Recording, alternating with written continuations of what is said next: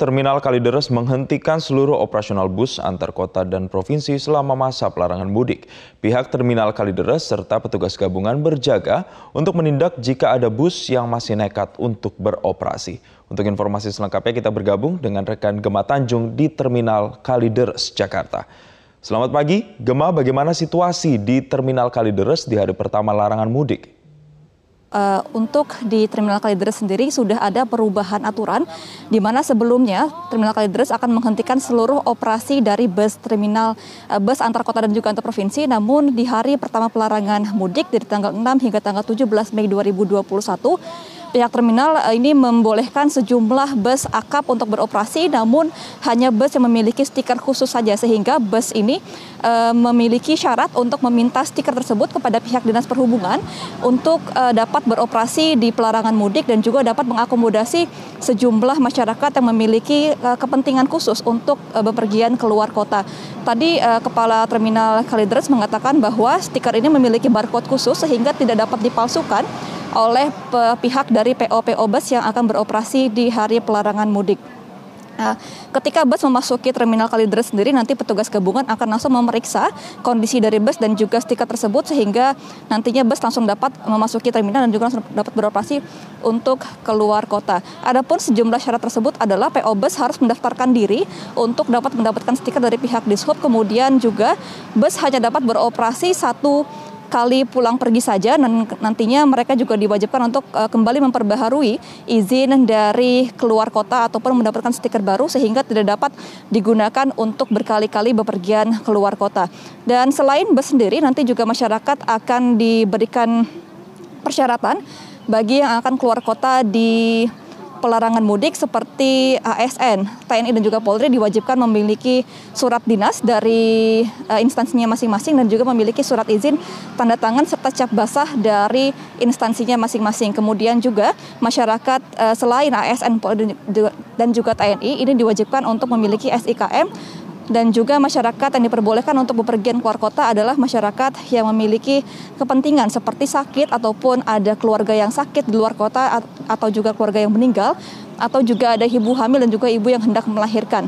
Seluruh masyarakat yang memiliki SIKM juga diwajibkan untuk memiliki uh, izin sehat ataupun keterangan negatif COVID-19 seperti tes genos ataupun rapid antigen.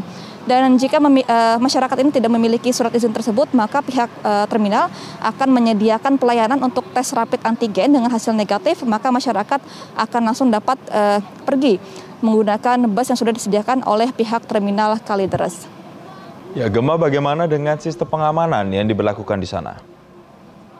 Ya, Jason, pada hari pertama ini pihak Kalideres bekerja sama dengan TNI Polri dan juga petugas dinas terkait untuk memeriksa sejumlah bus yang memiliki izin khusus dari pihak Dishub yang akan beroperasi pada di hari pelarangan mudik sejak tanggal 6 hari ini hingga tanggal 17 Mei mendatang.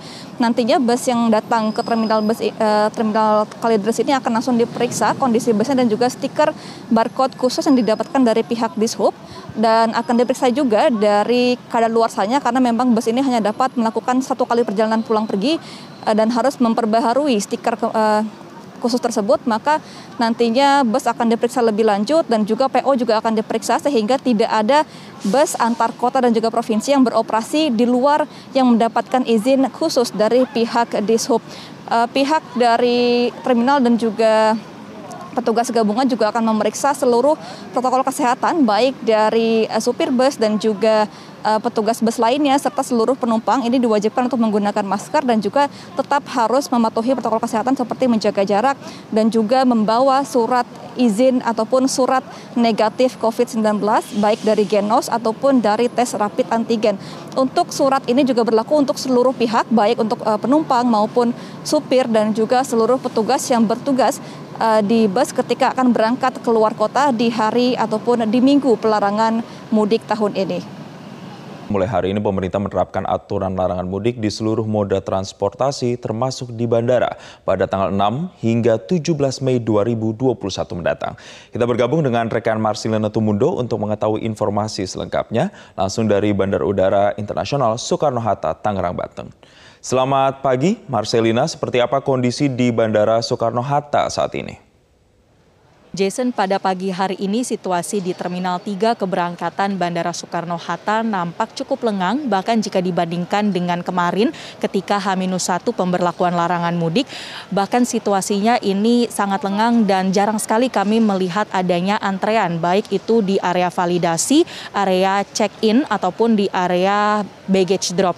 Pada pagi hari ini memang merupakan hari pertama penerapan aturan larangan mudik oleh pemerintah mulai dari tanggal 6 Mei sampai 17 Mei 2021 mendatang. Jika melihat jadwal dari penerbangan pada hari ini berdasarkan informasi yang kami pantau pada pagi tadi ini sudah ada tiga penerbangan menuju kota Denpasar yang sudah berangkat sekitar pukul 9 lebih 25 menit waktu Indonesia Barat dan tentunya bagi para penumpang yang tadi berangkat ini sudah dilakukan pengecekan oleh pihak bandara ataupun Satgas COVID-19 setempat dan sampai dengan uh, pukul 15 waktu Indonesia Barat sore hari nanti ini dijadwalkan ada sekitar 25 penerbangan domestik yang akan berangkat dari Terminal 3 Bandara Soekarno-Hatta dengan beberapa tujuan atau destinasi. Jika membandingkan dengan uh, beberapa pekan terakhir sebelum pemberlakuan larangan mudik, pihak Bandara Soekarno-Hatta kerap kali menyatakan bahwa melayani penumpang sekitar 40 ribu sampai 60 ribu puncaknya uh, lebih tepatnya adalah sekitar tiga hari kemarin uh, yang mana uh, cukup bisa dikatakan masyarakat ini mulai berangkat ke beberapa destinasi sebelum aturan larangan mudik diterapkan. Nah melihat kondisinya pada pagi hari ini cukup lebih lengang dan juga sudah diterapkannya adanya persyaratan ataupun pembatasan eh, sehingga tentunya untuk jumlah penumpang ini diharapkan atau diestimasikan akan lebih sedikit atau tidak mengalami lonjakan dibandingkan dengan beberapa hari terakhir. Ya, Marcelina, kemudian apa saja tahapan pengecekan yang harus dilalui oleh para penumpang yang hendak berangkat?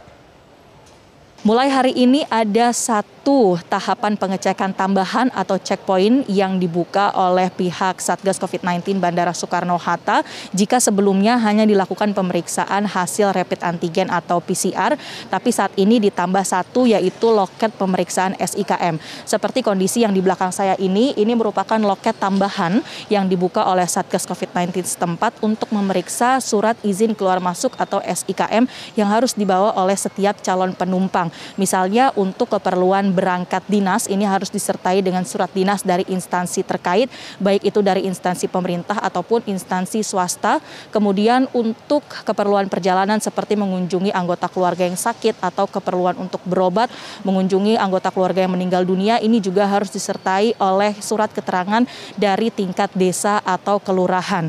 Nah, apabila ditemukan adanya permasalahan terkait dengan SIKM tersebut, di sebelah kanan saya ini merupakan merupakan uh, posko yang dijaga oleh Satgas Gabungan ada dari pihak bandara kemudian dari pihak TNI Polri untuk memastikan tindak lanjut apabila ada calon penumpang yang tidak membawa SIKM atau SIKM tersebut dinyatakan tidak valid begitu. Uh, sehingga akan ditentukan apakah bisa melanjutkan perjalanan atau harus reschedule mengatur ulang jadwal keberangkatan mereka. Sejak pukul 00 atau jam 12 malam hari tadi pihak Satgas tadi menyatakan bahwa pemeriksaan SIKM ini sudah dimulai dan memang sudah ada beberapa calon penumpang yang akhirnya batal untuk berangkat karena tidak membawa SIKM ataupun SIKM mereka dianggap tidak valid. Nah, setelah uh, pemeriksaan SIKM selesai, maka setiap calon penumpang bisa melanjutkan pemeriksaan ke loket selanjutnya yaitu validasi hasil rapid antigen atau hasil PCR. Jika semuanya sudah selesai uh, dua tahapan pertama ini, maka proses uh, pra keberangkatan ini bisa dilalui seperti check-in, baggage drop sampai nantinya masuk ke ruangan boarding. Hari pertama larangan mudik, tim gabungan Satlantas Polresa Bandung, TNI, Dishub, serta Satpol PP mulai melakukan penyekatan kendaraan pemudik yang akan melintasi jalur selatan Nagrek. Di Jawa Tengah, penyekatan juga dilakukan di ruas tol Pejagan Brebes. Penyekatan kendaraan pemudik oleh tim gabungan di ruas jalan selepas gerbang tol Cilenyi ini telah berlangsung sejak Kamis dini hari. Kendaraan berplat nomor Jabodetabek dan luar Bandung lainnya diberhentikan oleh petugas dan diperiksa secara ketat. Dari hasil pemeriksaan, petugas masih menemukan kendaraan yang membawa pemudik untuk pulang kampung atau mudik. Petugas pun terpaksa memutar balikan kendaraan kembali ke dalam tol. Sejak pukul 00 waktu Indonesia Barat hingga Kamis pagi hari, petugas telah memutar balikan kendaraan sebanyak 147 kendaraan.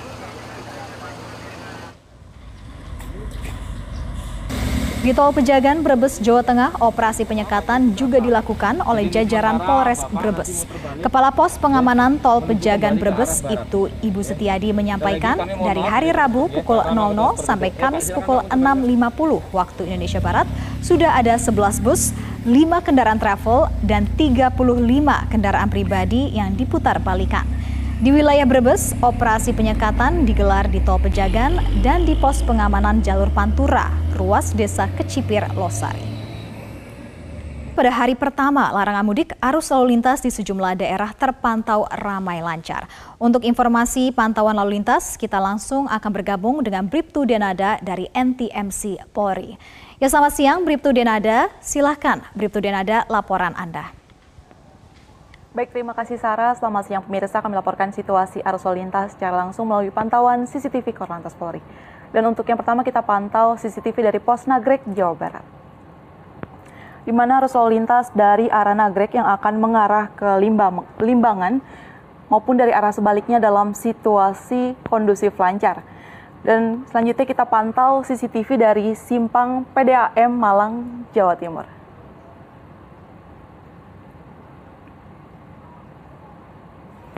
Arus lalu lintas dari Jalan Soekarno-Hatta yang akan mengarah ke Kota Malang dalam situasi ramai lancar. Perlambatan kecepatan kendaraan hanya menjelang traffic light dan lalu lintas dari arah sebaliknya dalam situasi ramai lancar didominasi kendaraan roda 2. Dan yang terakhir kita pantau CCTV dari Simpang Induk Brebes, Jawa Tengah.